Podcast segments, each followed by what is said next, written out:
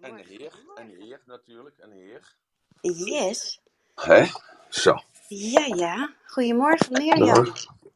Goedemorgen. Dat is een, eh, wordt een, een heftig iets vandaag, want ik heb er goed over nagedacht gisteren. Ja. En ik denk niet dat we dat in één of in twee keer eh, redden. Dat zullen we dan ook nog eens eventjes eh, goed moeten zeggen tegen iedereen. Ja. En, ehm, want het zijn toch wel een heel veel aantal punten als ik daarover nagedacht heb. En ik heb dat eens even opgeschreven en ik heb dat eens eventjes in het verband met elkaar gezet. Dan ehm, ja, is dat eh, wel een, een, een, een- niet een dag, het is een twee dagen seminar. Als ik daar mooi toch? Dat is ook het mooie, denk ik, van deze. Van voor de volgende met elkaar bekijkt, waar gaan we het over hebben? En dan begint dat proces al te draaien. Ja, ja, ja, maar het, het, het is niet, niet eh, eventjes. Nee, dat geloof ik, dat geloof ik. Maar heerlijk toch? Ja, Dan kunnen we voorlopig weer vooruit met, eh, met de inspiratie. En eh, ja, ik zat ook te denken, zo na de zomervakantie. Nu krijg je toch weer altijd zo'n moment van, oh, die omslag, hè? Om weer in het gereel en weer. Tenminste, spreek ik voor mezelf, hè? Maar ik denk dat er, dat er wel meer mensen zijn die dat wellicht ook voelen. Dus wat ja, dat dat heb ik helemaal niet. Nee, dat dacht ik al wel toen ik het Nee. zei. Oh, het is echt weer zoiets wat bij jou gewoon een ongoing proces is, of niet? Ja, ik, ik denk ook dat, dat, eh, dat je als ondernemer 24-7, 365 dagen daar gewoon mee bezig bent. Ja, en dan is het zo vaak eh, dat zoeken van balans tussen privé en tussen je andere zaken en dan ook je ondernemerschap. Maar ik denk als je een ondernemer bent, en ik ga het daar dus even over hebben, een verschil tussen een ondernemer en een entrepreneur, dat je dan, ehm, ja, dat, dat is toch even anders. Dat denk ik dan zo. En dan, dan denk ik ook gelijk erbij dat ik een aantal dingen gemist heb in het leven. En dat moet ik dan ook erbij zeggen. Maar daar heb ik dan geen spijt van, want ik heb daar andere zaken voor in de plaats gekregen. Zaken dan eh, zaken, andere belevenissen. en ehm, ja, maar goed, laten we daar dan zo direct maar eens even over hebben. Een paar minuten na negen. En dan een beetje introduceren. En dan heb ik eh, al met al, eh, eens even kijken. Ik heb eh 22 eigenschappen verzameld, eigenlijk. van succesvolle mensen. Succesvolle entrepreneurs, succesvolle ondernemers. Dat wil niet zeggen dat je moet voldoen aan al deze, aan, aan alle 22. Maar je moet toch wel er iets mee hebben. En eh, als je er niets mee hebt, ja, dan, en eh, je wordt genoodzaakt of je denkt bij jezelf, ga voor mezelf beginnen. Nou, dan raad ik je toch ten sterkste af om dat te doen, want dan is het een doodgeboren kindje. Dat klinkt een beetje hard en dat klinkt een beetje bedweterig. Maar ehm, bij deze eh, doe ik dat dan toch wel eventjes om dat te zeggen. Want ik, eh, ik heb natuurlijk een aantal entrepreneurs eh, gemodelleerd. En, want ik haal natuurlijk niet die kennis bij mezelf vandaan. Ik heb gedacht bij mezelf van, god, hoe, hoe zit dat nou bij die jongen van, van thuisbezorg.nl? Hoe zit het nou bij die Musk? Maar ook, hoe, zit het nou bij, hoe zat het nou bij meneer Philips? En bij meneer Van Doornen. Ik was gisteren nog in Eindhoven. Ik mocht daar een boek in, eh, overhandigen of krijgen. Wat kreeg ik? Kreeg ik? Of, ja, nee, het werd mij overhandigd. De eerste uitgave van een boek. Eh, dat was een, eh, een vrouw die 16 jaar minus één dag haar kinderen niet heeft mogen zien door het systeem. En ehm, nou, dat was best heftig. Maar daar ging het dan even niet om. Het ging om dus dat je ziet wat die meneer Van Doornen, dus de oprichter van DAF Motoren in Eindhoven, ja, wat hij allemaal heeft moeten doorstaan. En dan denk ik, ja, toch, ja, dat, dat moet je, je moet toch wel een beest zijn. Ja, sorry dat ik dat zo zeg. Als je dan eh, dat zo ziet, dat verloop van die auto's en die ontwikkeling en die uitvindingen. En eh, ja, dan, eh, dan moet je toch wel een, uit een bepaald soort hout gesneden zijn. En ik heb zelf mogen werken voor meneer Corbaan. Dat was in de jaren negentig, was dat de voorzitter van de Raad van Bestuur. En ik heb daar heel wat eh, dingetjes voor mogen doen. En eh, er waren allemaal vrijwilligers. En eh, die kenden meneer Baan nog. En die kenden mij ook nog, nog van, van 25 jaar geleden. Dus het was, heel, was een soort thuiskomen. Maar goed, dat niet ter zake. Nee. Eh, het gaat nu even om dus de, wat ik denk. Tenminste, wat ik dan bekeken heb van mensen die succesvol eh, zijn geweest. Of op dit moment succesvol zijn als entrepreneur en als ondernemer. Ik hoor eh, uit de achtergrond elke keer wat. Ja, nou, dat, dat ben ik inderdaad. Ik ga zo mijn microfoon sorry. afsluiten. Oké, sorry. Ik denk misschien prettig om eventjes inderdaad op te starten wat je aangeeft. Want eh, nou, met al die eh, inspiratie en alles wat je voor ons in petto hebt, dan eh, is het denk ik goed om snel te gaan beginnen. En eh, nou ja, dus iedereen van harte welkom. En eh, nou ja, speciaal ook uh, dankjewel voor eh, Daniel die gisteren ons op dit pad bracht. Dus Daniel, mocht je in de room zijn en wil je alvast eh, op het podium komen, nou steek je handje op en kom lekker naar boven. En uiteraard in dit open platform wat, eh, hè, wat je hebt voorgesteld, Emiel, is ook het, eh, de uitnodiging aan de andere luisteraars. Wil je vandaag meepraten? Ben je ondernemer? Wil je ondernemer worden? Of, of heb je er iets mee en wil je meepraten? Kom lekker naar boven. En eh, nou ja, we zijn eh, gemiddeld zo'n uur eh, in de lucht. De room wordt opgenomen, want al deze mooie inspiratie is inmiddels ook terug te luisteren. En hoe je daarbij kunt komen, dat kun je teruglezen lezen op www.ratelband.com. Daar kun je dat, eh, dat zien. En eh, nou, volgens mij zijn dit de praktische dingen voor dit moment. En ik zie dat eh, René, die probeerde net zijn, eh, of die stak zijn hand op. Maar René, ik krijg jou niet op het podium. Dus wellicht even uit eh, de Hij room en staat weer terug. al. Hij staat er al.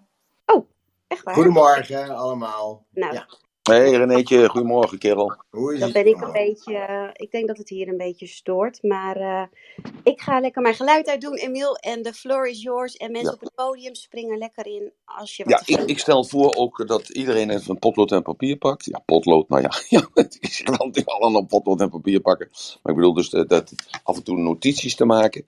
ik, zal, eh, ik, ik zal ze nummeren. Zodat het dan ook overzichtelijk is. En, eh, en dan goed onthouden altijd. Hè, ik zeg natuurlijk niet de waarheid. Ik zeg gewoon een waarheid. En dat is mijn waarheid, wat ik dan geconcludeerd heb. En ik heb eh, zeer zeker niet altijd gelijk, maar wel vaak. En het zijn altijd, eh, zoals ik dan de Duitsers dat zo mooi noemen, denkanstößen. Dus het zijn gedachten die ervoor zorgen, of die mogen ervoor zorgen dat jij dan een, eh, op een bepaalde manier gaat denken. En eh, ja, als je, Einstein zei het altijd, als je blijft denken zoals je altijd hebt gedacht, dan zul je ook dezelfde resultaten creëren zoals je altijd hebt gecreëerd. En daarom is het zo belangrijk dat dat uh, daar boven in je bovenkamer, dat het daar voortdurend geprikkeld blijft worden door rare ideeën of rare gezegden of rare, uh, ja, rare dingen waarvan je denkt dat is ver van mijn bedshow. En dat kan ook, dat mag ook. Het, het, gaat erom dat je daar dan over nadenkt. En op het moment dat je denkt van hé, wat raar, wat vreemd. Dat is toch uh, niet, uh, ja, dat, dat hoor je toch zo niet te doen of zo. Nou, dan zorgt dat ervoor dat er weer een prikkeling komt daarboven in je hoofd. En dan ga je toch weer een andere denkrichting in. Zo, dus dat uh, graag gezegd hebbende. Um, ik zal eerst een, stuk doen van een stuk of, even kijken hoeveel heb ik er? ja, die heb ik eigenlijk ja, zeven. zeven. Zeven eigenschappen of zeven houdingen of zeven karaktertrekken of zeven gedragingen. En dan uh, zal ik die zeven daarna nog even een perspectief zetten, zodat jullie kunnen zien dat het een eigenlijk niet kan zonder het ander. Dus um, ja, en daar zullen natuurlijk wel vragen over komen. Nancy, Daniel, Roelof, René, dankjewel dat jullie op het podium zijn. Jullie kunnen mij ten alle tijden interrumperen. Uh, als, het, uh, als ik te fanatiek ben of als ik uh, te ver van de bedshow ben, dan mag je uiteraard mag je me interpreteren. En als ik die, die zeven dus gezegd heb, dan ga ik die even in een perspectief zetten. Zodat je ziet dat ze met elkaar verbonden zijn en dat ze ook niet. Ze kunnen, ja, ze zouden wel zonder elkaar kunnen, maar toch is dat niet zo. Nou, goed, we gaan beginnen. Um, gisteren werd er gezegd uh, ondernemer. Hè? We hebben het ook wel eens gehad over carrière. En daar heb ik loopbaan van gemaakt. Weet jullie dat nog? Hè? Dat ik daar loopbaan van gemaakt heb. Uh, omdat dat in het verhaal beter was. Uh, die identiteit, hè, die zeven zuilen. want de loopbaan is visueler. En zoals jullie weten is onze interne representatie bestaat die uit die vijf zintuigen die je aan de buitenkant gebruikt, die gebruik je ook aan de binnenkant. Dus een loopbaan heeft een, een, een andere beeld dan een carrière. En die loopbaan kun je dan makkelijker gebruiken in, jouw, uh, in je interne representatie om je sterker te motiveren en je te bekrachtigen. Uh, althans, dat geldt voor mij zo, dus dat is ook weer een denkanstoos. Zo heb ik uh, over nagedacht. Toen dacht ik bij mezelf, ja, ondernemer, dat is eigenlijk, mijn opa was al ondernemer. Dat was toen wel een baas. Hè, dat was nog geen werkgever, zoals dat vandaag de dag dan heet. Die had geen medewerkers of samenwerkers, die had gewoon personeel. En dat waren arbeiders. en die deden wat hij zei. En daar was ook geen discussie over. Maar dat was een echte ondernemer puur sang. En je had ander soort mensen, dat waren dan arbeiders. Dus ik vind dat woord eigenlijk een klein beetje achterhaald. En toen dacht ik bij mezelf, ja nee, als ik over Musk uh, hoor, hè, over, uh, Branson, dan hebben we het altijd over entrepreneurs. En een entrepreneur is eigenlijk, uh, ja, dat, geeft, dat is een verfrissende kijk op een ondernemer. Dus als je je van vanaf vandaag entrepreneur noemt, dan ga jij weer een nieuw woord laden op een moderne manier. En uh, ben jij uh, bezig met iets nieuws te creëren, een nieuw beeld, een nieuw denkvermogen, een nieuwe uitstraling. Uh, dan ga je ook weer denken aan een nieuw logo, een ander lettertype. En dan ga je alweer in een soort vernieuwende fase. Want waar staat een entrepreneur voor ten opzichte van een ondernemer? Ondernemer eigenlijk ook wel weer natuurlijk. Een ondernemer die is ook vernieuwend bezig, maar een entrepreneur is eigenlijk meer vernieuwend bezig. Denk maar eens even aan een Musk, hè, die elk moment dat hij leeft bezig is met zijn dromen te vervullen. Die is vernieuwend bezig. Die gaat nu naar Mars. En uh, toen hij bezig was met PayPal in de jaren 80 als jonge gozer, jaren 90, ja, dat was ook helemaal te gek, want dat kon niet. Dat was voorbestemd aan de banken. En dat een particulier uh, met zo'n idee kwam, ja, dat, dat kon niet. Nou, we weten nu allemaal, anno 2021, dat hij een visie had. Toen hij kwam met die elektrische auto, waren er allemaal sceptisch, uh, sceptici en allerlei mensen die kritiek hadden. En, uh, maar hij ging rustig verder met zijn droom, met zijn ideaal, met datgene wat hij in zijn kop gezet had.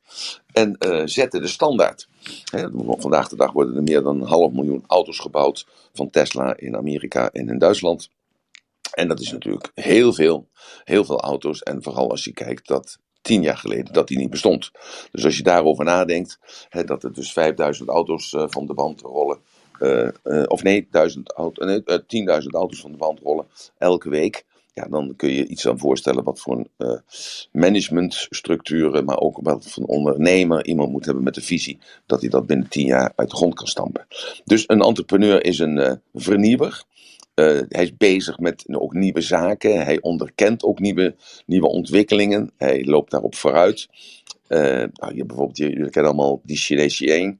En die zit in, in China en die heeft uh, logaritmes lopen. En die logaritmes die lopen over alle Googles en alle websites en over de hele internet van heel de wereld lopen die. En die maken een nieuw soort, die distilleren een nieuwe mode. En uh, die maken gelijk dan die mode en die loopt eigenlijk. Uh, die mode is nog niet bedacht door de straat, maar uh, hij heeft hem al op de plank liggen. Nou, dat is echt een entrepreneur. Hij is vernieuwend bezig. Bouwers. Ze zijn naar buiten gericht. Hè. Dat is ook iets. De entrepreneur is nooit naar binnen gericht. Het is niet een wetenschapper die een, een plannetje heeft, een ideetje heeft. Nee, hij is naar buiten gericht. Hij is proactief. Hè. Dus ik net zeg over die Xing uit China. Hè, die is proactief. Die, die stuurt dus met uh, logaritmes uh, de markt in. herkent daar bepaalde trends in. In de muziek, in de kunst, in het ondernemen, in, architectuur, ja, in gesprekken, in foto's.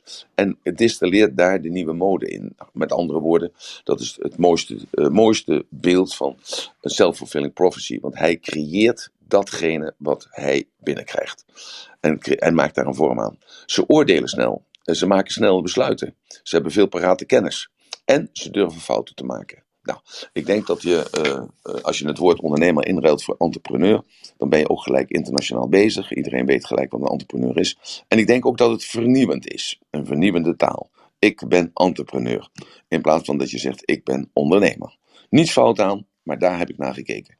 Ik heb naar uh, entrepreneurs gekeken die voor mij een, een voorbeeld zijn. En dan kijk ik eerst naar bij het modelleren een entrepreneur. Wat is dan zijn zijn, zijn overtuiging. Hè, wat is dan zijn uh, eigenschap waar hij op drijft? En dan blijkt dus eigenlijk dat waar hij op drijft is iets kinderlijks. Dat is nieuwsgierigheid. Die nieuwsgierigheid hoort bij een entrepreneur. Een nieuwsgierigheid in kennis, nieuwsgierigheid in de markt, nieuwsgierigheid in kwaliteit, nieuwsgierigheid in het product, nieuwsgierigheid in zijn medewerkers, nieuwsgierigheid in de, het milieu, nieuwsgierigheid in. Nou noem jij alles maar op.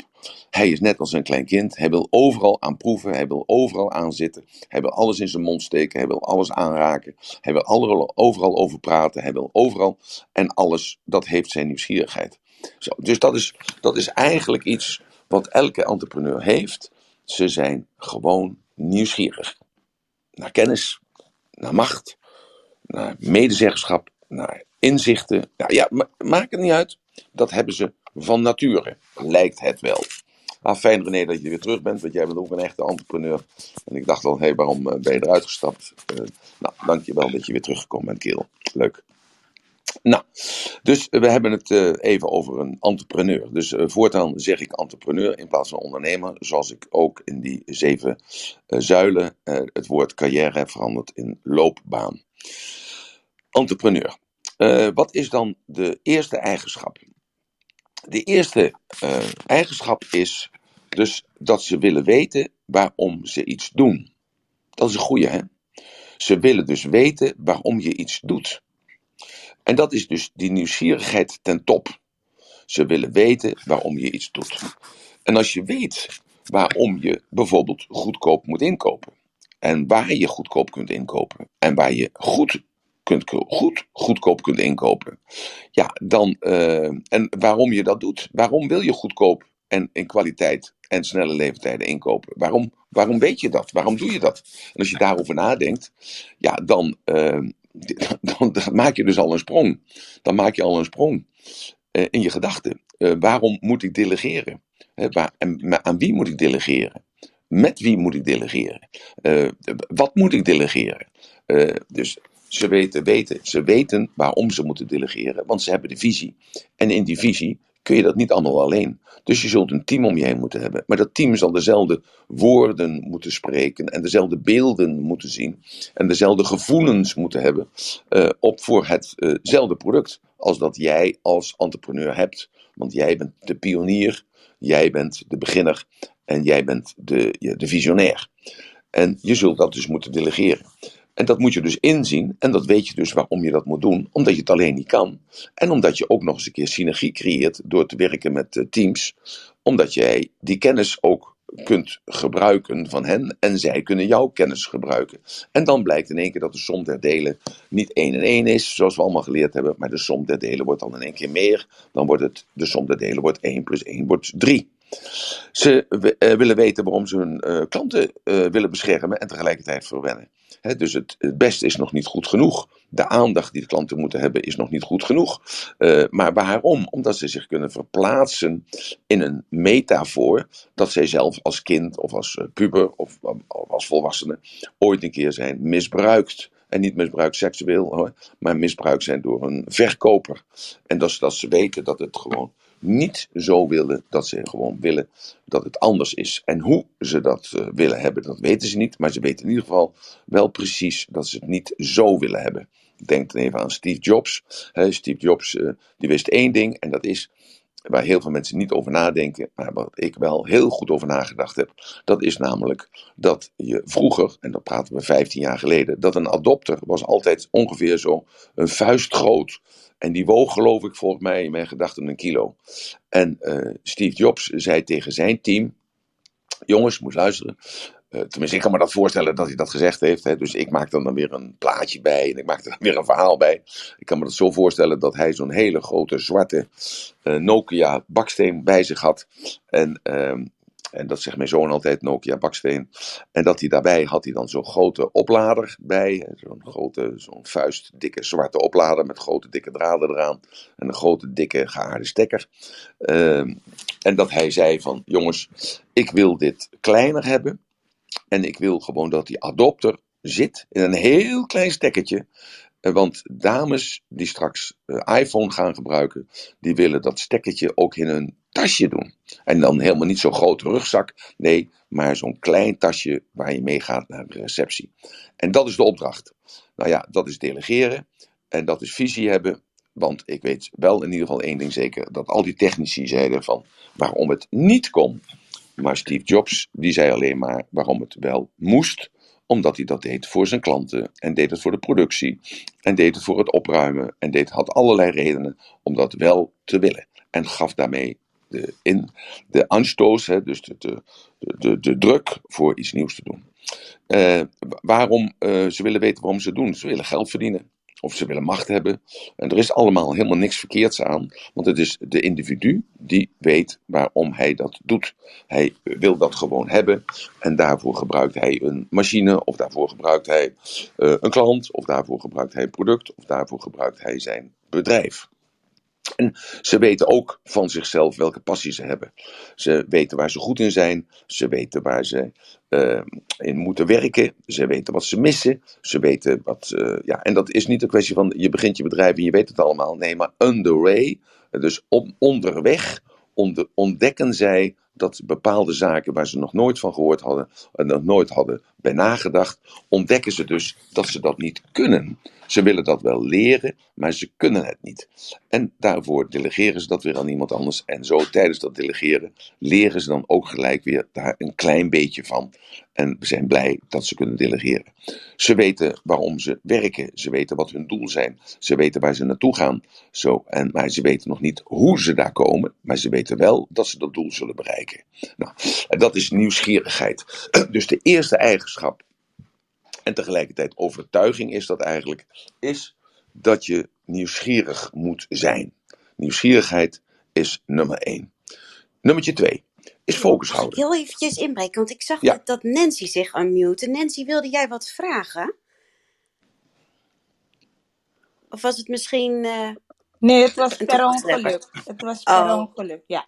Nee, René ging er ook even uit en René kwam er weer in dus uh, ik herhaal het straks nog eventjes. Als ik ze alle zeven gehad heb, ik uh, wijd er nu even over uit.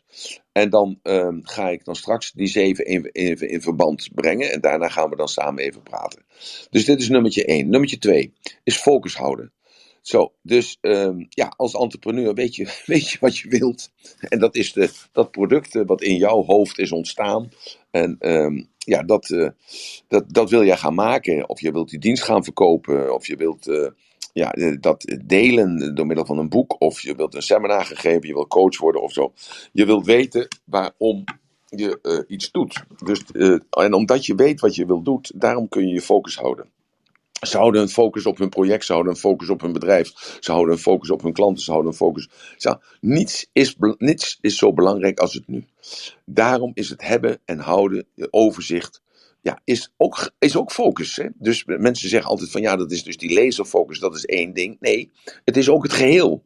Het is het geheel van jouw bedrijf. Het is het geheel van jouw team. Het is het geheel van jouw productie. Het is het geheel van jouw verkoopapparaat. Het is het geheel van advertisement. Het is het geheel van de marketing. Het is het geheel van de boekhouding. Het is het geheel. Dus al die facetten, al die pijlers van jouw bedrijf, dat is één. En jij moet de focus erover houden. Zo, dus dat is een. En natuurlijk uh, nodig je mensen uit die voor jou de boeken invullen. Dus de administratie bijhouden. En natuurlijk hou je mensen bij die de marketing voor je doen. Of die huur je in. Natuurlijk hou je mensen. Hè, je houdt het allemaal maar je moet het wel bijhouden. Je moet de focus erop houden. En dat je de details misschien niet iets weet, maar het laatste moment moet jij toch beslissen hoe. Ik weet nog dat Cor Boonstra, die was CEO van, uh, van Philips. En ik kwam bij hem op kantoor en uh, er werd gewerkt aan het beeldmerk.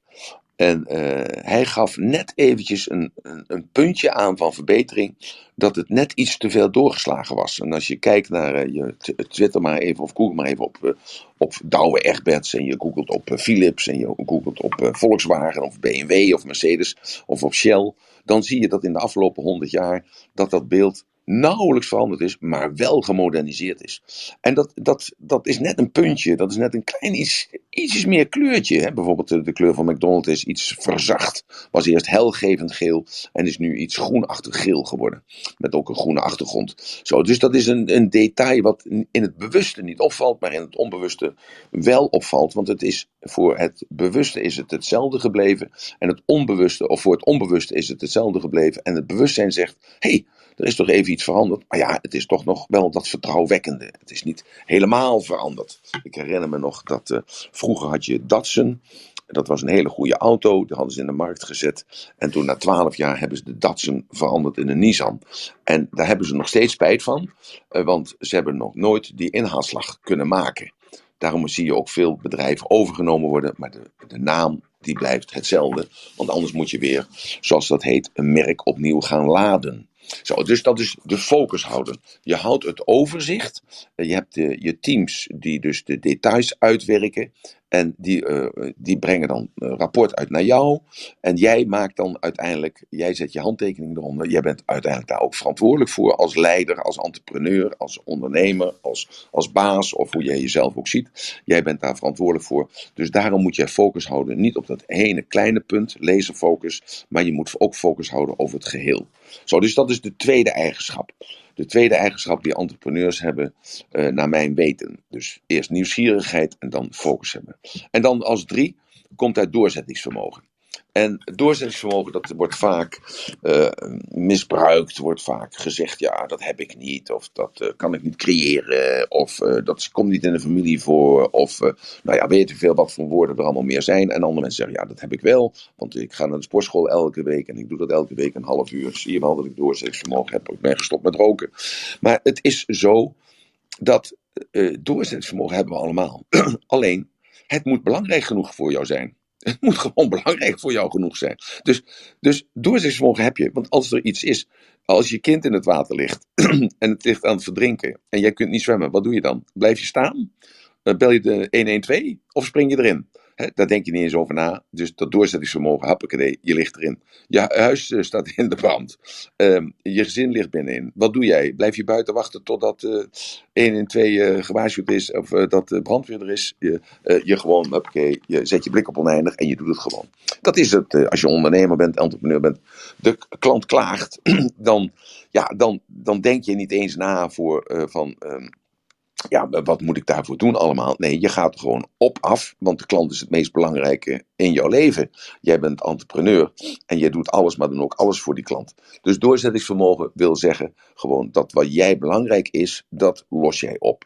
Is het product niet perfect, maar luister, dan maak jij het perfect. En als het een week duurt, is het een week. En als het een maand is, het een maand. En als het een jaar is, is het een jaar. Het maakt niet uit. Het is een ongoing process en daar heb jij die doorzettingsvermogen in een, uh, een leverancier is veranderd.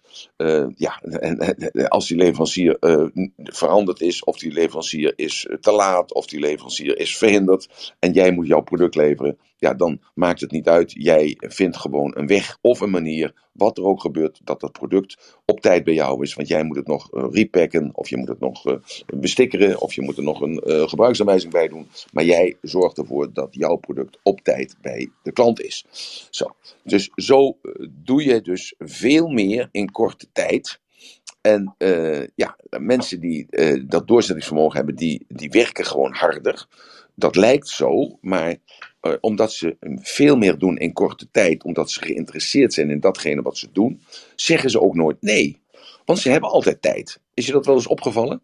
Dat mensen die in de WW zitten, of mensen die in de AOW zitten, of mensen die in de BZZ zitten, weet ik veel wat er allemaal, wat voor uh, vangnetten er allemaal zijn. En je, je wilt een afspraak met die mensen maken, dan is het altijd, ja, ik moet even de agenda kijken. Ik moet eventjes uh, even kijken wanneer ik tijd heb. Nou ja, dus dan vandaag over tien dagen heb ik wel een, een gaatje. Maar wat zegt een entrepreneur? Die zegt, ik heb altijd tijd. En die zegt nooit nee. Die zegt altijd ja. En, uh, want die denkt niet in beperkingen. Die denkt niet in 24 uur. Die denkt gewoon in, uh, in weken, maanden. En die denkt in minuten. En er is altijd een minuutje om even te bellen. Of even te mailen. Of eventjes te faxen. Of eventjes te facetimen. Of even in de auto even met elkaar te appen. Zo, dus er is altijd tijd. Dus dat is doorzettingsvermogen. Doorzettingsvermogen jezelf onderlijn te zetten. Doorzettingsvermogen om uh, datgene wat jij wilt, wat jij verkiest, hè, om, en wat jij belangrijk vindt om dat te bereiken. Daar heb je doorzettingsvermogen voor nodig. Dus eigenschap 1 is nieuwsgierig, eigenschap 2 is focus houden, eigenschap 3 is doorzettingsvermogen hebben. Eigenschap 4. Uh, entrepreneurs motiveren mensen. En dat doen ze vanuit zichzelf.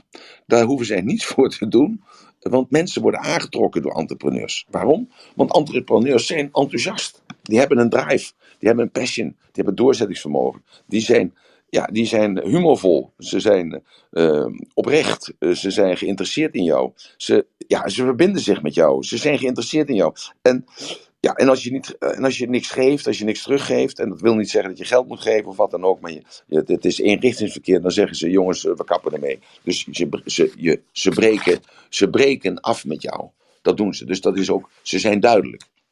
Nou, en, en ze weten, iedereen die uh, bijdraagt aan het succes die uh, trekken ze aan en die niks bijdraagt, hè, die vreet alleen maar op of die geeft alleen maar negatieve energie, uh, ja, dan, of die gaan op de rem staan of die hebben alleen maar kritiek zonder opbouwend te willen zijn, ze zeuren, ze komen hun afspraken niet na, die kunnen gewoon verdwijnen. Daar zijn ze heel rigide in. En ik spreek niet meer, maar dat vond ik wel een van de meeste kenmerkende eigenschappen van een entrepreneur. Ze zijn kort en zakelijk, maar ook tegelijkertijd heel lief en zacht. Dus uh, dat is de, de volgende eigenschap voor een entrepreneur. Dus de eigenschappen zijn uh, nieuwsgierig, focus houden, doorzettingsvermogen en mensen, entrepreneurs motiveren mensen. Dan hebben entrepreneurs hebben nog iets gemeenschappelijks. Dat, ja, dat moet ik ook echt zeggen. Dat is ook gewoon werkelijk waar. Zij oordelen snel en ze beslissen snel. Omdat ze de focus hebben over het geheel. Ze hebben die nieuwsgierigheid naar alles. Hè? Dus ze zijn nieuwsgierig naar, uh, ja, naar alles. Dus, dus ze hebben ook die kennis over inkoop, samenwerking, delegeren, uh, verkoop, uh, marketing, service. Ze hebben, kortom, ze hebben parate kennis. En ze zijn oprecht geïnteresseerd en dat oprechte geïnteresseerd, dat is dus een, een soort filtertje daarboven in het hoofd. Dat alles wat zij meemaken, en dat is niet alleen dat wat ze meemaken op de zaak of bij de klant of zo, of onderweg naar, naar iets wat betrekking heeft op hun bedrijf of op hun product, maar alles in hun omgeving zien zij als een metafoor die, er, uh, die ervoor zorgt dat die kennis en uh, dat oordelen nog sneller gaat. Dat is, dat is een soort natuurlijk proces. Omdat dat, uh, dat, dat allemaal in dat onderbewustzijn zit.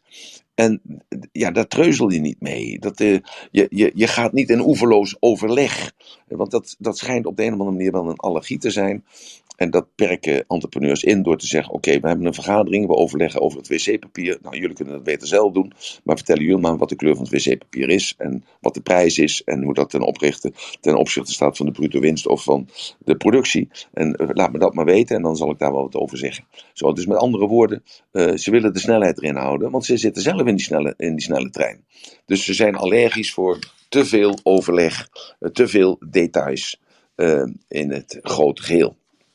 Dus uh, zij weten als entrepreneur, als je vooruit wilt, dan moet je doen. En uh, denken doe je maar in je eigen tijd. Ja, dat klinkt een beetje, een beetje, een beetje dwars en dat klinkt een beetje dom. Maar uh, zo zijn ze toch eigenlijk wel van. dat denken, dat, laat dat maar even over aan anderen. Maar je moet het doen. Daar ben je voor ingehuurd. En, um, en, en, denken hoort daar natuurlijk ook bij. Maar het is een beetje kort door de bocht. Maar het is wel met dat snelle oordelen, snel besluiten, houdt dat dat wel in. Dus we hebben uh, de eigenschappen zijn nieuwsgierig, focus houden, doorzettingsvermogen, uh, uh, mensen motiveren en snel oordelen en snel besluiten. Nummertje 6. Ze zijn oprecht. Ze zijn recht door zee. Ze zijn betrouwbaar, ze zijn voorspelbaar. Een fout of een ongeluk, dat kan altijd. Maar dat komt voort uit een positieve en een, en een oprechte intentie. En dan is het altijd een leerproces. En daarom staat hij dus ook altijd open voor feedback. Hij staat ook open voor kritiek. Hij staat open voor de mening van iemand anders, als het maar past in dat oprechte. dus daarom is zeuren uh, of uh, dwars liggen of uh, op de rem staan, is, wordt als negatief ervaren. dus denk even aan Elon Musk, denk even aan Steve Jobs, denk even aan, hoe is, heet hij ook weer, van, van uh, God, begin die naam elke keer thuisbezorgd.nl en uh, van uh, Coolblue. dan ga je begrijpen dat zij dus in een paar jaar tijd een bedrijf van miljoenen, maar ook van duizenden medewerkers uit de grond hebben kunnen stampen door die oprechtbaarheid en die betrouwbaarheid en die voorspelbaarheid. Want dat is het natuurlijk. Hè. Men, heel veel mensen zoeken uh, ook voorspelbaarheid. Hè. Dat proberen ze door controle uit te voeren. Maar dit is een ander soort voorspelbaarheid. Hij is door, op de een of andere manier is die onvoorspelbaar. Maar juist door dat onvoorspelbare is die juist voorspelbaar. Dan kun je daarop uh, snel op, uh, op reageren. En je weet wat hij wil of zij wil. Dat is duidelijk gewoon. Hij, hij bindt daar geen doekjes om. Uh, hij geeft dat gewoon aan. Dus het is oprecht, recht door zee. Dat is gemeenschappelijk wat een entrepreneur heeft. Dan, uh, ja, dan uh, het laatste eigenlijk. Uh, ze zijn, worden geliefd door andere mensen. en daarom worden ze omgeven door positieve mensen. En ze elimineren die negatieve mensen. En creëren zich om, met positieve mensen. En ik weet niet of je dat ooit wel eens meegemaakt hebt in een team. Dat al die mensen die gelijk gericht zijn. Mensen die allemaal willen. Alle mensen die, uh, die zien alleen maar uh, uitdagingen en geen problemen. Mensen beleven alleen maar mogelijkheden en kennen geen onmogelijkheden. Dan ontstaat er een soort, hoe moet ik dat zeggen? Een soort storm. Dan ontstaat er iets, een soort collectieve drive. Uh, dan ontstaat er dus een soort spirit.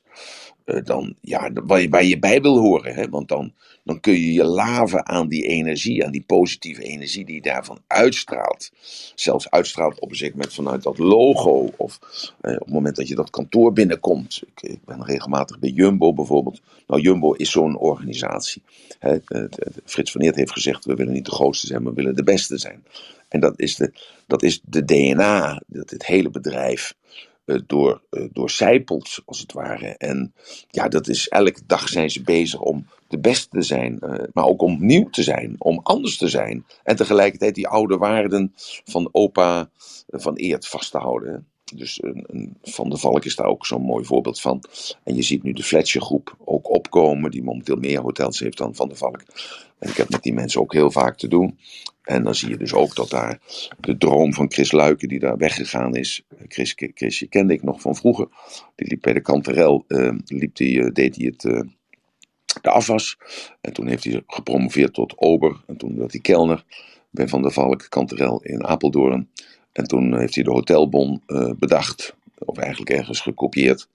En dat heeft hij verkocht samen met Hans van Breukhoven, groot gemaakt. Toen hij begonnen met het hotel. En Fletcher is genoemd naar zijn kleine hondje. En uh, dat heeft hij verkocht een jaar of tien geleden. Maar op de achtergrond speelt hij nog mee. En als je ziet hoe die mensen, dit, hoe dit team dit doet, dat is echt fenomenaal. En voor 19 euro kun je daar regelmatig slapen.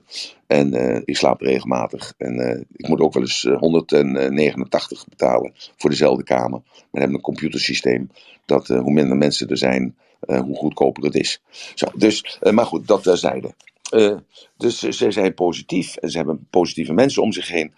en dat zorgt ervoor dat iedereen betrokken is. En dat zorgt ervoor dat iedereen aardig is. En dat zorgt ervoor dat iedereen meer doet als dat er van hen gevraagd wordt.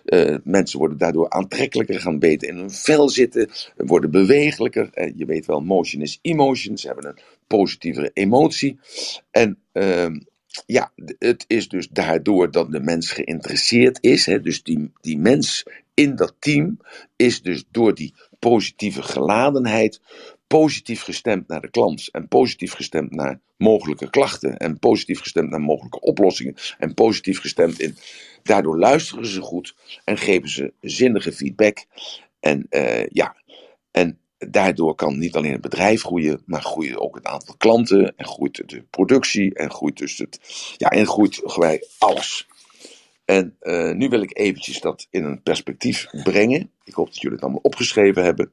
Ik wil het even in een perspectief brengen, zodat je ziet dat de ene eigenschap creëert automatisch de andere eigenschap. En uh, wat dat nieuwsgierigheid, dus als je werkelijk nieuwsgierig bent, dan focus je dus op datgene waar jij nieuwsgierig naar bent.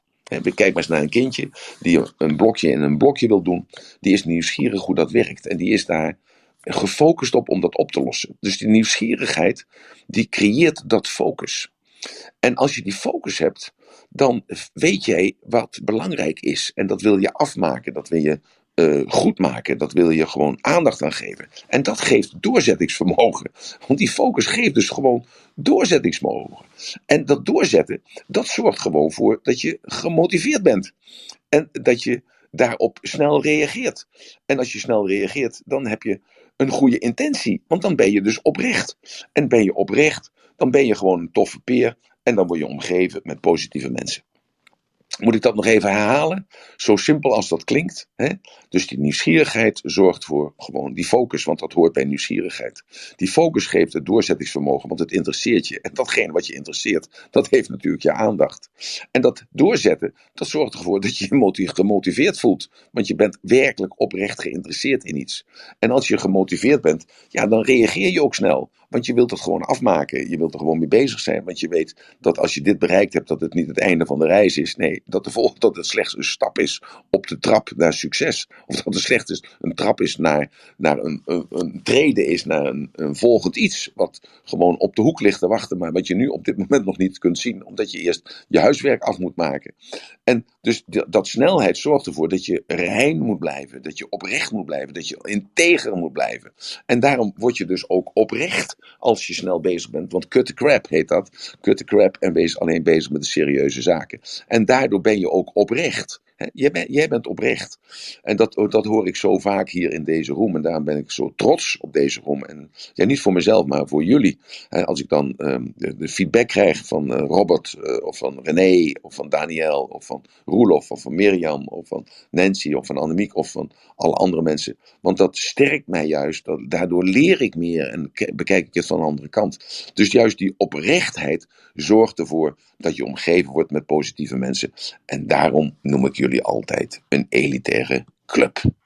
Nou, Annemarie, dat was het eerste stukje van uh, wat een ondernemer, naar mijn gevoel, uh, ja, niet nodig heeft. Maar uh, ik heb er nog even in perspectief gezet hè, in deze zeven zaken, deze zeven eigenschappen.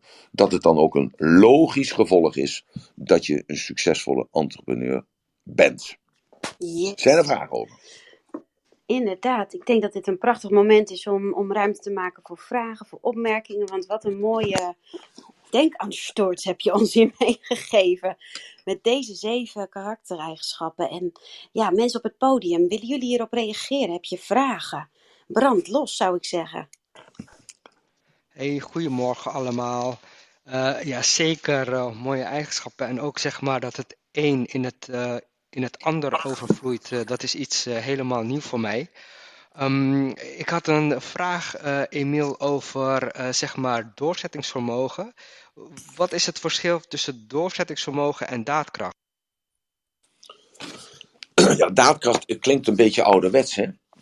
Want daadkracht is natuurlijk dat datgene de, maat, de, de moed hebben om die gedachten die je hebt, om dat om te zetten in de materie. Om dat te manifesteren in de materie. Daar heb je daadkracht voor nodig. Omdat je dus in het proces van denken naar doen naar buiten komt. Het wordt visueel zichtbaar voor anderen. ook als je erover praat, wordt het visueel zichtbaar voor die andere in zijn hoofd of haar hoofd. en daar moet jij dus dan argumenten voor hebben. En die argumenten moet je kunnen verzinnen waarom jij gelijk hebt in de context waarin over jij spreekt. En daar zijn geen, is geen ruimte voor nuanceringen. En dat is daadkracht. En die daadkracht, uh, ja, dat kun je wel aan heel veel mensen zien dat ze dat hebben of niet hebben. Uh, en dat is dus een stukje maar wat je ook in kunt huren. Want die daadkracht is ook iets wat op de werkvloer moet gebeuren, of in de verkoop moet gebeuren, of met de boekhouding of met de marketing moet gebeuren. maar je hebt wel dus die, die externe communicatie nodig van jezelf. Dus dat je andere mensen kunt inspireren.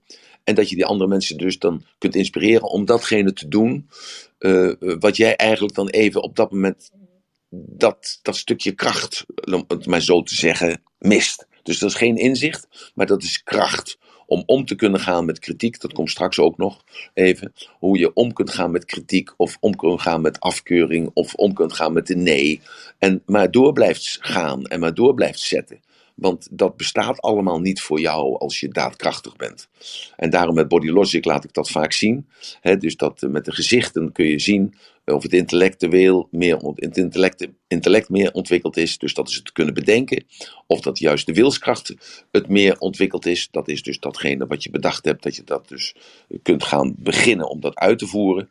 Of dat je de daadkracht hebt, wat beter of meer ontwikkeld is bij jou, zodat je dus om kunt gaan met de tegenwerking. Want neem van mij aan, het idee wat jij hebt, of het nieuwe product wat jij hebt, dat zal altijd zorgen voor. Uh, weerstand.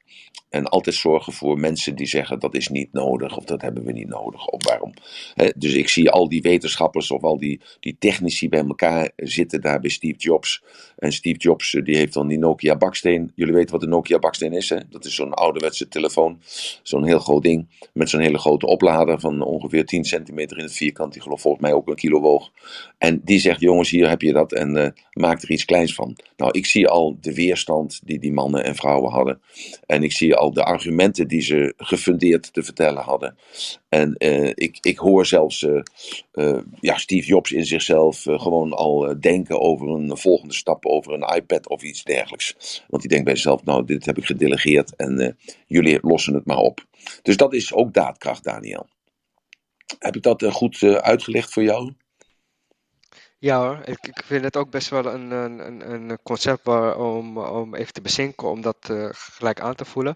Maar het schept ook wel uh, helderheid. En ik denk van ja, um, maar ja, het is, ja, het is zoals je zegt, misschien is dat wel verder te ontwikkelen. En als je je, zeg maar, je argumenten ook meer, meer fine-tuned, dat je, dat je daar ook wat meer zeg maar, kracht aan ontleent. En dat je daardoor ook weer wat harder gaat. Juist, en kijk Daniel, het is zo dat je alles heb je al meegemaakt in je leven. Dat is de metafoor, die moet je oppakken. Ik weet niet of je kinderen hebt, ik weet niet of je gelovig bent, ik weet niet of je als kind zijnde bepaalde prestaties hebt geleverd, of dat in sport is, of dat dat met studie is, of dat dat in geloof te maken heeft of zo, het maakt niet uit. Maar je hebt altijd al die daadkracht ergens in getoond. En, uh, hè, dus, en, en dat moment moet je terughalen. Dat je als kind zijnde die daadkracht had. En dat je als, ook als volwassene of als gelovige die daadkracht had. Als iemand jou aanviel op je overtuiging of iemand uh, je vrouw aanviel of je partner aanviel of zo. En dat er dus dan iets naar boven komt zo van, hè, of zoals ik net even dat voorbeeld gaf, uh, als je kind in het water ligt, wat doe je dan? Ga je dan bedenken dat je geen zwemvest hebt? Ga je dan bedenken dat je je telefoon in je zak hebt, dat die niet nacht mag, mag worden? Ga je dan bedenken van, uh, dat het water koud is? Ga je dan bedenken dat het donker is? Je denkt helemaal niet na, je bent daadkrachtig, je springt in het water en je haalt het kind naar boven toe, toch? Ja, ja, en dit, dit maakt het helemaal helder voor mij.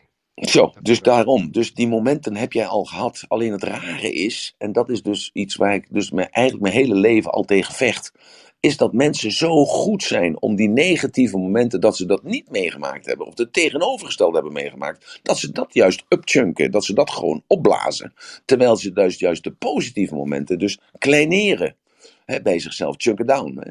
Zo, dus, uh, dus je moet dat begrijpen dat je dat doet in je hoofd, dat het een, een soort eigenschap geworden is, een soort gewoonte is geworden. En daarom is dat inzicht in je eigen ontwikkeling is zo belangrijk. En daarom is elke dag dat we hier samen zijn, gaat er altijd een soort luikje weer open bij je in het hoofd. En ook bij mij. Hè? Dus ook, ik krijg ook weer inzichten, zoals uh, van de week dat Robert dat zo zei. Ja, dat heb ik dan ook um, als een dogma meegenomen, dus ik moet dat gelijk veranderen. Ik, kijk, en ik heb al zoveel dingen veranderd in mijzelf, dat ik uh, ja, dat dan ook makkelijk doe. Want dat, ook is, dat is ook weer een gewoonte. Als je heel flexibel bent geweest in je leven, ja, dan ben je ook eh, ben je zeer flexibel op je oude dag. Ben je enigszins rigide geweest in je leven, ja, dan ben je natuurlijk super rigide in je oude dag. Dus dat, dat voordeel heb ik. En, uh, dus ik dacht bij mezelf, ja, je hebt gewoon gelijk. Eh, ik heb dat dogma daaruit gehaald van dat Adam en Eva verhaal. Nou jongen, wat een idioot ben ik toch eigenlijk. Ik ben anti-dogma en ik, doe, ik hou zelf een dogma aan. Hup, weg ermee. Pap. Dus ik gooi het zo in de vuilnisbak. Zo, dus, dus je moet, moet die momenten herkennen van inzicht. En dat, zijn, dat moment van inzicht, dat blijf ik altijd houden. En, uh, dus uh, ook dat is, hè, ik, vertel wel eens dat ik in de rij stond in, uh, in mijn tweede klas van de lagere school. Of dat ik een spreekbeurt had in de derde klas van mijn lagere school. Of dat ik de meester sloeg nadat hij mij geslagen had. Of het potlood brak of wat dan ook. Zo. Dus er zijn altijd momenten van inzicht dat ik het juist deed of dat ik het niet juist deed. Maar ik had het al gedaan. En daarna leerde ik van die ervaring. Dus dan is dat met veel meer emotie betrokken als dat je erover nadenkt. En Emiel, ik hoorde je net ook zo mooi zeggen, dat, die bleef bij mij heel erg hangen over het laden van je merk. Ja. En, nu, nu je het hebt ook over dat, hè, die momenten van inzicht, dan denk ik ook meteen van ja, het is zo belangrijk om af en toe even dat, dat uitzoom-momentje te nemen. En ja, dat, dat vertaalde ik voor mezelf ook naar een stuk. Ja, dan eigenlijk op zo'n moment ga je je merk weer laden. En jezelf weer laden met die zeven mooie punten die je net ja, inbracht, om daar ook weer bij stil te staan en jezelf daarmee te laden en daarmee je merk en alles wat je uitstraalt. Natuurlijk, want eh, kijk, eh, eh, ik, ik vertel deze dingen, er komen er nog een, nog een paar, nog twintig bij, geloof vijftien bij. ik vertel dat alleen, dat, dat je zegt van, hé, hey, wacht eens eventjes, nou, jij pakt dat op, dat merkladen. Nou, en eh, ja, dat is natuurlijk zo, en dat doet, de een doet het op een andere manier. De een die huurt daar een marketingbureau voor in, of een reclamebureau voor in, en de ander die gaat een week op vakantie, of die gaat op de hei zitten, en de ander die doet een, een of ander seminar wat nergens wat mee te maken heeft, en daardoor krijgt een hele andere visie. En iemand anders neemt sabbatical. en daardoor neemt hij afstand. Hè? Want het is dus altijd afstand nemen en dan denken van ik moet het anders doen. En, eh, ja, de, en de een zit er zo in, de ander zit er zo in. En, dus, en alles is goed. Want ik zeg nooit eh, dat het de weg is. Het is een weg. En, eh, ja, en, en snoep er een beetje van. Of eh, bewandel de weg een stukje en pak de fiets een ander stuk. En neem de auto op een ander stuk en scheer er overheen. En laat zitten als je, het, eh, als je denkt, het, voor mij is het niks. Nou, dan is ook goed. Er is altijd wel iets eh, wat je er wel op kan steken. Als je met een positieve intentie zit. En daarom zijn jullie een elitaire groep van mensen. Omdat jullie allemaal gemotiveerd zijn om verder te komen. Daarom, daarom ben je hier. En dat is, eh, met, met een klas is dat ook zo. Je zit eh, acht jaar op de lagere school. Ja, als je die acht jaar bij elkaar, die kennis bij elkaar stopt, dan heb je zes maanden nodig om het te leren. Alleen, je hebt eh, de resterende zeven en een half jaar heb je nodig om het te, te proberen en uit te voeren. En in sociale verbanden eh, eh, op je bek te gaan. Dat het fout gaat, dat het niet helemaal precies zo werkt voor jou. Ja, en leer je goed en fout te onderscheiden. Of dat goed of fout is, dat zullen we dan maar weer het midden laten. Maar je leert eh, voldoendes te krijgen of onvoldoendes te krijgen. En je leert dat je beloond wordt als je iets goed doet. Als je je best gedaan hebt. En je leert dat je gestraft wordt als je het fout doet. Dus dat zijn hele mooie lessen voor de rest van het leven. Daar heb je die acht jaar, die eerste acht jaar voor nodig. Zo, terwijl het in zes maanden kan qua kennis. En zo is het met, met dit soort dingen ook. Ik ben eh, 52 met 73 jaar ervaring. Ik leer nog elke dag. Ik mocht gisteren dan dat boek in ontvangst nemen. En eh, ja, dan leer ik daar weer van. Ik hoor haar praten en dan denk ik, ja, dat vertel je toch niet goed. Dat, dat is niet juist. Dat is te beschuldigend. Dat is veroordelend. En eh, waarom dacht ik nou zo? Eh, dat, hè? Waarom dacht ik dat zo? Omdat ik eigenlijk met mijn gedachten bij mijn zoontje was, die op eh 50 meter afstand zat. Die wel bezig was met zijn eigen, eh, eigen iPhone. Maar ik dacht bij mezelf, ja nee, die ongenuanceerdheid is niet goed voor hem. En dus toen mijn speech daarna was veel genuanceerder als dat ik mij voorgenomen had, vijf minuten daarvoor, om te praten. Zo, dus, dus ik implementeer snel. Dus dat een van die snelle oordelen en snel besluiten nemen. Nou, dat, eh, Mirjam herkent dat wel, denk ik. En eh, dat maakt het ook vaak eh, uitdagend om samen met mij dingen te doen. ja. Daniel, heb ik je geholpen met je vraag? Ja, zeker weten. Zeker weten. Dankjewel, Emiel. Oké. Zijn er nog meer vragen? Opmerkingen? Nou, goedemorgen. Hey René. Ik was ondertussen gewoon aan het werk, want eh, het gaat hier gewoon door. Eh, maar eh, nee, ik luister aandachtig en eh, ja, onderschrijf veel van wat je zegt. Wij spreken elkaar vaak en we hebben het vaak over zaken die, die met werk te maken hebben en werkgerelateerd zijn. Eh motiveer elkaar, denk ik ook wel. Wat ook belangrijk is, als je elkaar spreekt, dat je elkaar een beetje de helpende hand toereikt en elkaars visie hoort en ziet. Eh, maar dat heeft, eh, ja, denk ik, ook alles te maken met, eh, met mentaliteit. Hè. We hebben, vroeger had ik een, ik, ik, ik heb een, ik heb small business school gestudeerd en daar, daar, een van mijn leraren zei altijd: marketing is een mentaliteit. En ik denk dat dat een, dat dat een waarheid als een koe is. Als je met je hart en ziel bezig bent om met je bedrijf bezig te zijn. En, en, of tenminste verder te willen komen. Of dat nou in je persoonlijke ontwikkeling is of met je bedrijf. Ja, als je dat aan de muur hangt, draagt wat ik doe bij aan of een beter leven, of aan een hogere winst, of aan een gelukkiger eh, medewerkers, of eh, gelukkiger klanten. En je, je hangt dat op aan de muur en je spiegelt al je activiteiten aan, aan die, die, eh, die, eh, dat doel, dan, eh, ja, dan wordt het eigenlijk al heel snel duidelijk. Ben je ermee bezig of niet? Hè? En heb je, heb je, kom je verder of blijf je stilstaan? En, ik, en eigenlijk is die, die wijsheid is in, in, in, in zolang als de mensheid bestaat nooit veranderd. De Egyptenaren wisten al hoe je op een bepaalde manier een, eh, een, eh, een rijk in elkaar kon knutselen. En dat deden ze wel met heel veel slaven en dat deden ze op hun manier. Maar er zat dezelfde gedachte aan. Goed, eh, proberen dingen goed te doen. En, en dat is nooit veranderd. In de handel, in iedere vorm van dienstverlening. Hoe beter jij het doet in je dienstverlening, hoe beter jij uh, dat terugkrijgt. En hoe meer energie je daarin steekt. En hoe verder je wilt gaan om voor je klanten een stukje te lopen. Jij zei straks, een klant heeft altijd, uh, daar heb je altijd tijd voor. Ja, dat is ook zo. Hè? Mijn vader zei altijd, de leverancier belt jou terug en jij belt een klant terug. Ja. En uh, al is het s'avonds, uh, s'nachts je 12 uur, en belt er een klant op, neem ik de telefoon aan. Waarom zou ik hem niet aannemen? Ja. Ik zou gek zijn dat ik hem liet rinkelen. Ja, dus komt in je hoofd niet op. ja. Hè? Het komt in je hoofd niet op. Hè? het ligt, heeft natuurlijk, René, het heeft ook mee te maken in welke fase je bent natuurlijk. Hè? kijk, en dat is natuurlijk, ben je in de pioniersfase van je bedrijf dan, uh, dan heb je natuurlijk een heel ander ideaal en andere doelen. En dan moet je het natuurlijk allemaal zelf opknappen. En als je dan naar de ondernemersfase gaat, dan ga je naar de Kamer van Koophandel. Dan, dan word je officieel uh, ondernemer, hè? entrepreneur word je dan officieel. Ja, dan moet je de boekhouding op gang zetten. Je moet die vergunningen regelen. Je gaat in, investeren. Je moet naar de bank. Je moet geld lenen. je moet een crowdfunding creëren omdat je het niet voor elkaar krijgt. Of je moet bij je geld bij je ouders halen. Nou ja, goed. En dan kom je in de managementfase. En als je dan in de managementfase zit, ja, dan uh, moet je weer die medewerkers uh, uh, motiveren. En dan moet je kritiek hebben en delegeren en de eindverantwoordelijkheid nemen. Met andere woorden, dan, dan zit je in een heel ander, ander stukje. En dan, maar dan heb je al wel die, die fases gehad van pionierschap en ondernemersfase. En dan ben je al gepokt en gemazeld.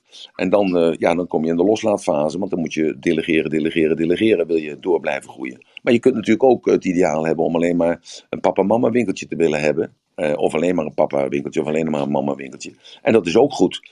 Maar dan ga je ook weer door die fases heen. En, en ja, daar, dat is natuurlijk altijd, ook belangrijk. Kijk, wat, wat, belangrijk is, is dat je verliest nooit je karakter. ik had vroeger een bedrijf, daar werkten 120 mensen. En daar deden we bijna 11 miljoen euro omzet. En uh, daar gingen we met heel veel, uh, ja, daar gingen we iedere dag met heel veel enthousiasme tegenaan. En toen verkocht ik dat bedrijf. Toen ben ik acht jaar gaan zeilen uh, rond de wereld. En uh, toen uh, dacht ik eerst, dacht nou, nou, dan ben ik van alle zorgen af. Maar die zorgen, die, ben je niet, die, die, die komen op een andere manier terug. Dan is er een pomp kapot aan boord. En dan ben je daar net zo ziek van als voor een miljoen euro die je eerder misschien niet pakken kon of misschien wel verloor. En nu hebben we een klein zeilbedrijfje. En ik ga weer met diezelfde, met datzelfde karakter ben ik daar weer mee bezig. En met diezelfde inzet, en ja, dat heeft niks te maken met dat ik zo'n knetterharde werker wil zijn, of dat ik mezelf op de borst wil slaan. Dat heeft er niks mee te maken. Dat heeft er gewoon mee te maken dat dat, ja, dat zit nu kennelijk in me. Gistermiddag belt er een klant op en die, die stelt een vraag of, en die probeer ik te helpen. En die probeer ik van dienst te zijn. En die probeer ik te plezieren. En het bedrijfje wat we nu hebben, dat genereert een half miljoen per jaar. En uh, daar, daar, daar, stop ik dezelfde energie in. En dat vind ik net zo leuk. En dat vind ik misschien nog wel leuker als uh, wat ja. ik eerder deed. En maar zal met iedere energie, met iedere activiteit die ik heb, zal dat toch weer op dezelfde manier aangevlogen worden. Ja, maar eh, kijk, het is natuurlijk zo, de metafoor die herken jij overal in. Hè? Want dat is dus het, het, het, het verkopen van caravans of aanhangers. En dan het probleem maken van een eh, motor die uh, niet loopt. Hè? Dus dat is de metafoor eigenlijk. Maar het karakter, daar verschillen wij van mening in. Het karakter kun je zeer zeker wel bijsturen.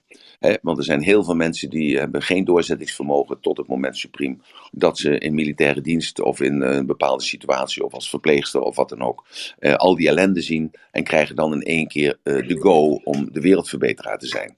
Dus dat karakter kan altijd door een andere input, kan dat echt wel uh, 180 graden draaien. Ja, er is wel tuurlijk. een bepaalde neiging, hè, maar je plaatst jezelf in een ander kader.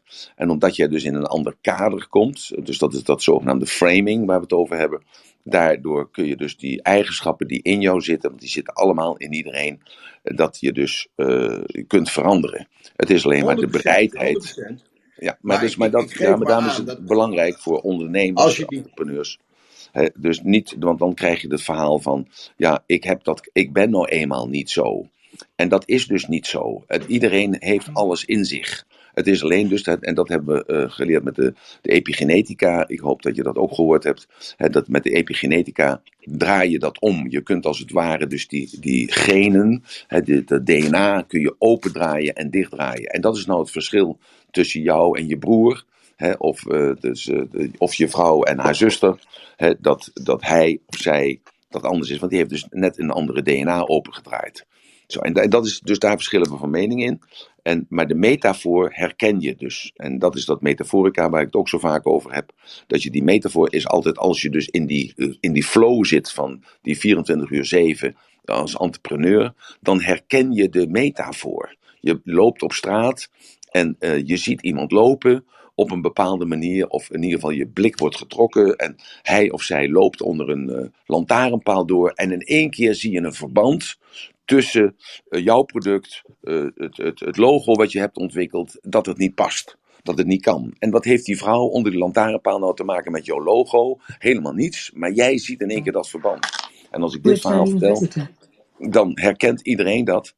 En, en dat is nou juist dat als je 24 uur 7 die entrepreneur bent, hè, maar je kunt ook 24 uur 7 de gezinsman zijn. Maar dat is, een, dat is ook oké, okay, maar dat is een andere keuze. Oké, okay, we moeten door, want het is al 10 uur, geloof ik. Ja, en ik heb nog 15 punten te behandelen. Uh, maar, is het ja. misschien, uh, want, want je hebt ons deze, uh, deze uitzending, heb je ons door die zeven karaktereigenschappen heel mooi meegenomen. Ja, maar even, die, ik wil even die, uh, ja, wacht even, ho, ho, ho. Ik wil even dat even rechtzetten, want het is heel goed het inzicht wat René nu geeft. He, dat inzicht wat René nu geeft, is eigenlijk, een karakter is eigenlijk iets vast omlijnd. Een karakter is, dat heb je of dat heb je niet. dat karakter, dat kun je niet veranderen.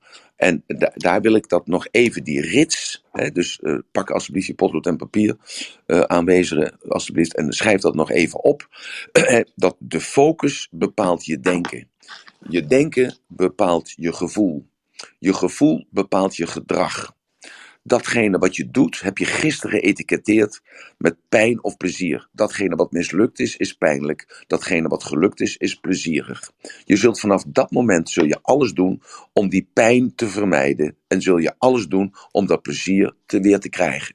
Dat wordt een gewoonte. Dus alles wat jij vandaag doet, alles wat jij vandaag doet, is, werd dus gisteren bepaald. Daarom kun je het verleden lezen aan het heden van die persoon.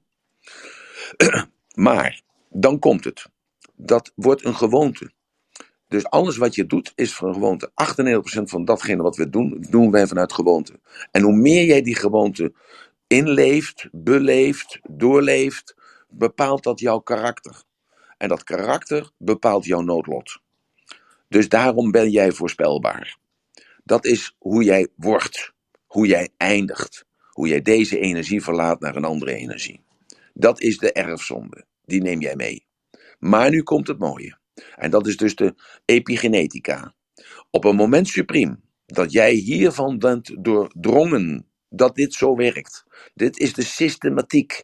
Niet alleen in jou, maar ook in jouw gezondheid. Ook in jouw relatie. Ook in jouw gezin. Ook in jouw familie. Ook in jouw dorp. Ook in jouw stad. Ook in onze provincie. Ook in ons land. En ook op deze wereld. Als je dus die perceptie hebt, dan ga je begrijpen waarom jij, wij moeten veranderen. Want dat is ons noodlot, is beschreven. En dan krijgen de mensen die geloven in geen vrije wil, hebben hun gelijk gekregen. Er is een vrije wil. Dat is het goddelijke in jou. En daarvoor moet je durven te dromen. Daarvoor moet je die passie creëren. Daarvoor ben je voor jezelf begonnen. Of daarvoor ben jij juist op weg om een ander mens te worden. Daarom geloof jij in ontwikkeling. Daarom geloof jij in een hoger plan. Daarom geloof jij dat het anders kan. En als jij die droom hebt, dan accepteer je het noodlot niet. En dan begint het karakter begint te brullen.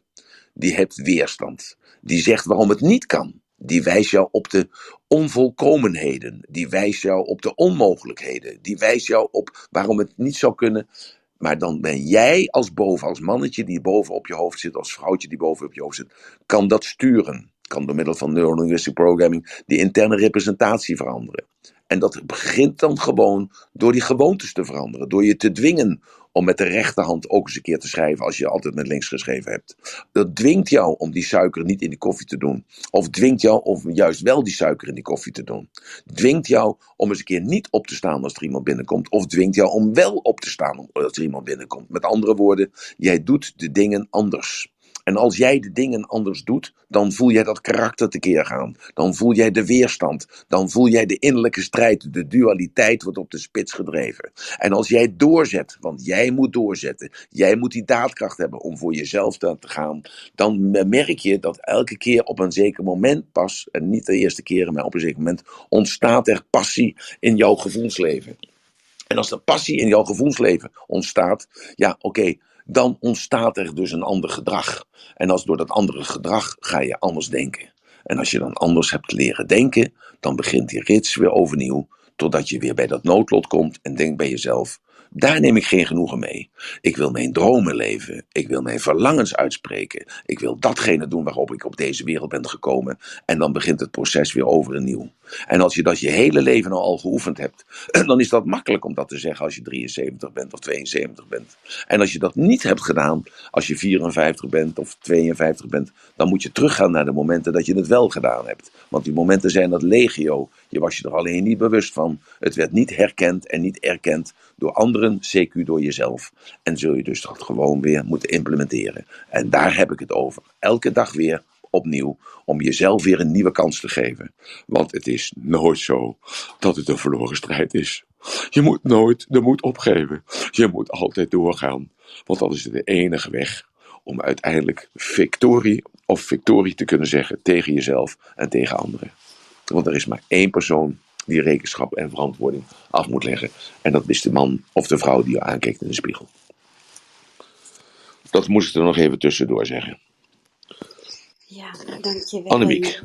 Ja, ik ben er even stil van, Emiel. Ik denk, weet je, soms dan, dit, dit is weer zo'n prachtige manier om het, om, het, ja, om, om het bij elkaar te brengen. Hoe dit nu weer loopt, dat René dat inbrengt met het karakter en hoe je ons hierin meeneemt. Dit, ja, ik vind het echt heel erg mooi en een gouden les. Dank je wel.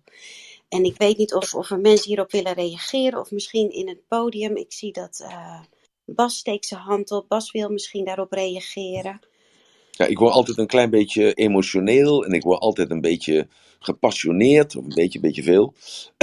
en, uh, nee, nee, omdat ik gewoon uh, denk daarin, en ik, ik, ik, ik, ik zie dan uiteraard ook weer de bevestiging in datgene wat ik net gezegd heb allemaal, dan, ja, dan denk ik bij mezelf, ja, doe het gewoon, hè. je moet het gewoon doen. De, iedereen die weet raad, uh, ja, ik kan, het, ik kan niet zeggen wat mijn vader vroeger altijd zei, maar uh, iedereen weet raad, maar, jij zit met de uitdaging. dus jij bent de enige die dat in beweging kan zetten. En jij bent de enige die dat kan veranderen. En daar ben ik echt gewoon heel gepassioneerd door, omdat ik zie dat er zoveel verdriet en zoveel ellende en zoveel spijt en zoveel teleurstelling is bij mensen die dat zelf hebben gecreëerd. En wat zich uiteindelijk dan ook ja, vormt in de materie en dat creëert zich in ziektes. Ja, goed, dat is een ander verhaal weer. Ja, maar Emiel, ik denk dat je hiermee ook zo'n essentie aanraakt met, met wat je, hè, je brengt het zo, dat hele rieltje breng je zo weer terug bij, bij jezelf en bij de impact die je zelf uiteindelijk op het leven hebt. En ondernemerschap, gezondheid, alle zuilen die je voorbij laat komen, alles komt weer terug daarbij. En dat, ja, tenminste, dat raakte bij mij. En Um, ik, ja, even een praktische, sorry dat ik even overschakel, maar er steken mensen hun hand op. Ik krijg jullie niet op het podium en dat vind ik heel vervelend. Michiel en Bas, uh, misschien even de room uit en opnieuw. Nou, sorry voor deze praktische onderbreking. Nee, dat is oké. Okay. Nou, er gebeurt uh, misschien dat Mirjam het lukt. Maar zijn er verder nog mensen die hierop willen reageren? Hoe is het bij jullie binnengekomen?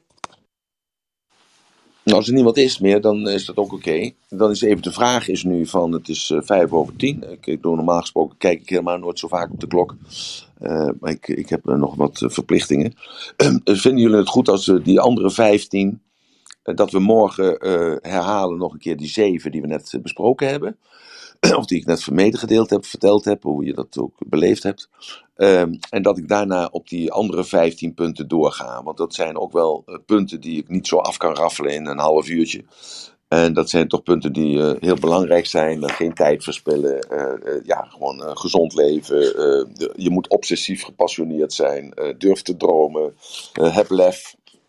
Vraag je elke dag af. Maak de, maak de kassa op elke dag zorg voor meerdere inkomstenbronnen en hoe moet je dat doen. Uh, ja, de, durf te falen, durf te mislukken. Nou ja, kortom, zo zijn er dus uh, nog 15 punten waarvan ik denk die belangrijk zijn, waar je rekening mee moet houden en uh, wat zou kunnen gebeuren en waar dat je je daardoor kan wapenen, tegen kunt wapenen. Ik denk dat het een heel goed plan is, Emiel. Bas ik zie dat Bas ja, dus boven is gekomen met een zak yes. friet. ik, zie er altijd een, ik zie er altijd een zak friet in. ja. Ben ik te verstaan of niet? Ja, ja heel goed, Bas.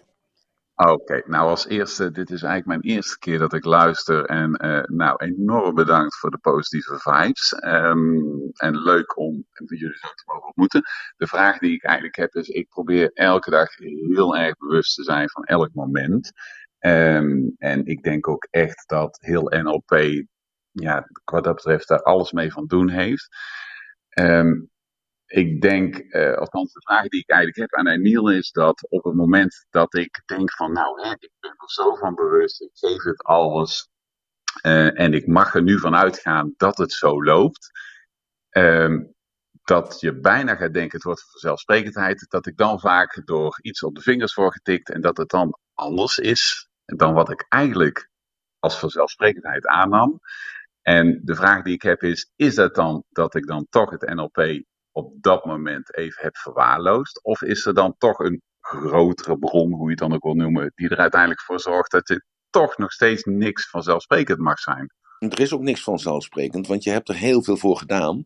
En jij mag dankbaar zijn dat je dat mag doen. Je mag dankbaar zijn dat mhm. je dat hebt gekregen. En dat je dankbaar mag zijn dat het je gegeven is. En als je dat erbij voegt, dan gaat die trilling, wordt een andere trilling. Eventjes, uh, even op frequentieniveau. En uh, daarom is die dankbaarheid zo belangrijk. Dat, en dat is dat bewustzijn. En dan krijg je die consciousness expanding. En dus je kunt altijd alles doen maar dat dat zonder dankbaarheid is. Dus dat wil zeggen zonder dat je er even bij stilstaat en even evolueert dat je wat je hebt mogen doen, wat je hebt kunnen doen, uh, dat andere mensen dat hebben gerespecteerd, die ook de tijd voor hebben genomen. Dat als je dat niet doet, dan blijft die trilling blijft, uh, laag. En het gaat juist om dus dat die trilling omhoog te brengen. Want hoe hoger die trilling is, hoe meer contact heb je dus met dat, ja, ja, ja wat voor woorden moet je daar nou aan geven? Ja, maar je begrijpt het dus. Goed. Ja, ja, duidelijk. Nou, super bedankt. Super bedankt. Jij dankt de Bas. Dankjewel uh, dat je bij ons was vandaag, of bent bij ons. Uh, dankjewel dat je de moed had ook om gelijk naar voren toe te komen. Heel, heel fijn. Heel, heel fijn om dat te mogen ervaren. Dankjewel. Iedereen, dankjewel daarvoor. Ja, Bas, dankjewel ook namens mij. En Michel, het is gelukt. Je bent op het podium. Wil jij wat toevoegen? Uh, ja, ik vond het zo mooi dat Emiel zei: uh, pak even uh, een pen en papier. Maar ik wil wel zeggen: ik ben speedreader, geen speedschrijver. of Emiel nog even dat hele mooie zinnetje kan opnoemen, wat begon met focus bepaalt je denken. Oké, de, de, focus, ja, dus, dus die rits, hè, daar heb ik het vaak over. En dat is dus de focus. Dus datgene wat, wat, wat er aandacht aan is hè, op dat moment. Dus dat bepaalt je denken. Dus zit je op de stoel en eh, de stoel begint te jeuken of de stoel is te hard, dan gaat de focus naar de stoel. En dan ga je nadenken over die stoel. Dus datgene waar de focus op ligt, onbewust, dat bepaalt je denken. Als je dus bewust de focus ergens op legt, dan ga je bewust daarover nadenken. Dat maakt een wereld van verschil. En ook met time management zorgt het dan voor dat je dus bewust met je tijd omgaat. Nou, dus dat is eigenlijk een beetje dat wat Bas net zei. Hij leeft in het nu. Dus hij is zich bewust van datgene wat hij doet. Hij moet natuurlijk daarbij niet vergeten dat hij door moet gaan naar het volgende nu. Want als je blijft hangen in het nu, dan gebeurt er dus niks. Dat is dus de balans of de harmonie uh, waar, je dus niet, uh, waar je niet mee vooruit kan komen. Dus focus bepaalt je denken. Je denken bepaalt je gevoel. Je gevoel bepaalt je gedrag. Het gedrag wat je gisteren hebt gedaan, dat bepaalt, dat werd geëtiketteerd. Alles wat fout ging, dat heb je geëtiketteerd met pijn. Of alles wat een onvoldoende was, dat heb je geëtiketteerd met pijn. Alles wat afgewezen was, of wat kritiek werd, werd, afge, met pijn. Uh, uh, een andere kant, datgene wat je gedaan hebt, dat werd beloond met een voldoende. Dat heb je geëtiketteerd met plezier. Datgene werd beloond met een goed salarisverhoging. Dat heb je geëtiketteerd met plezier. Datgene heb je lof over gekregen. Dat heb je geëtiketteerd met plezier.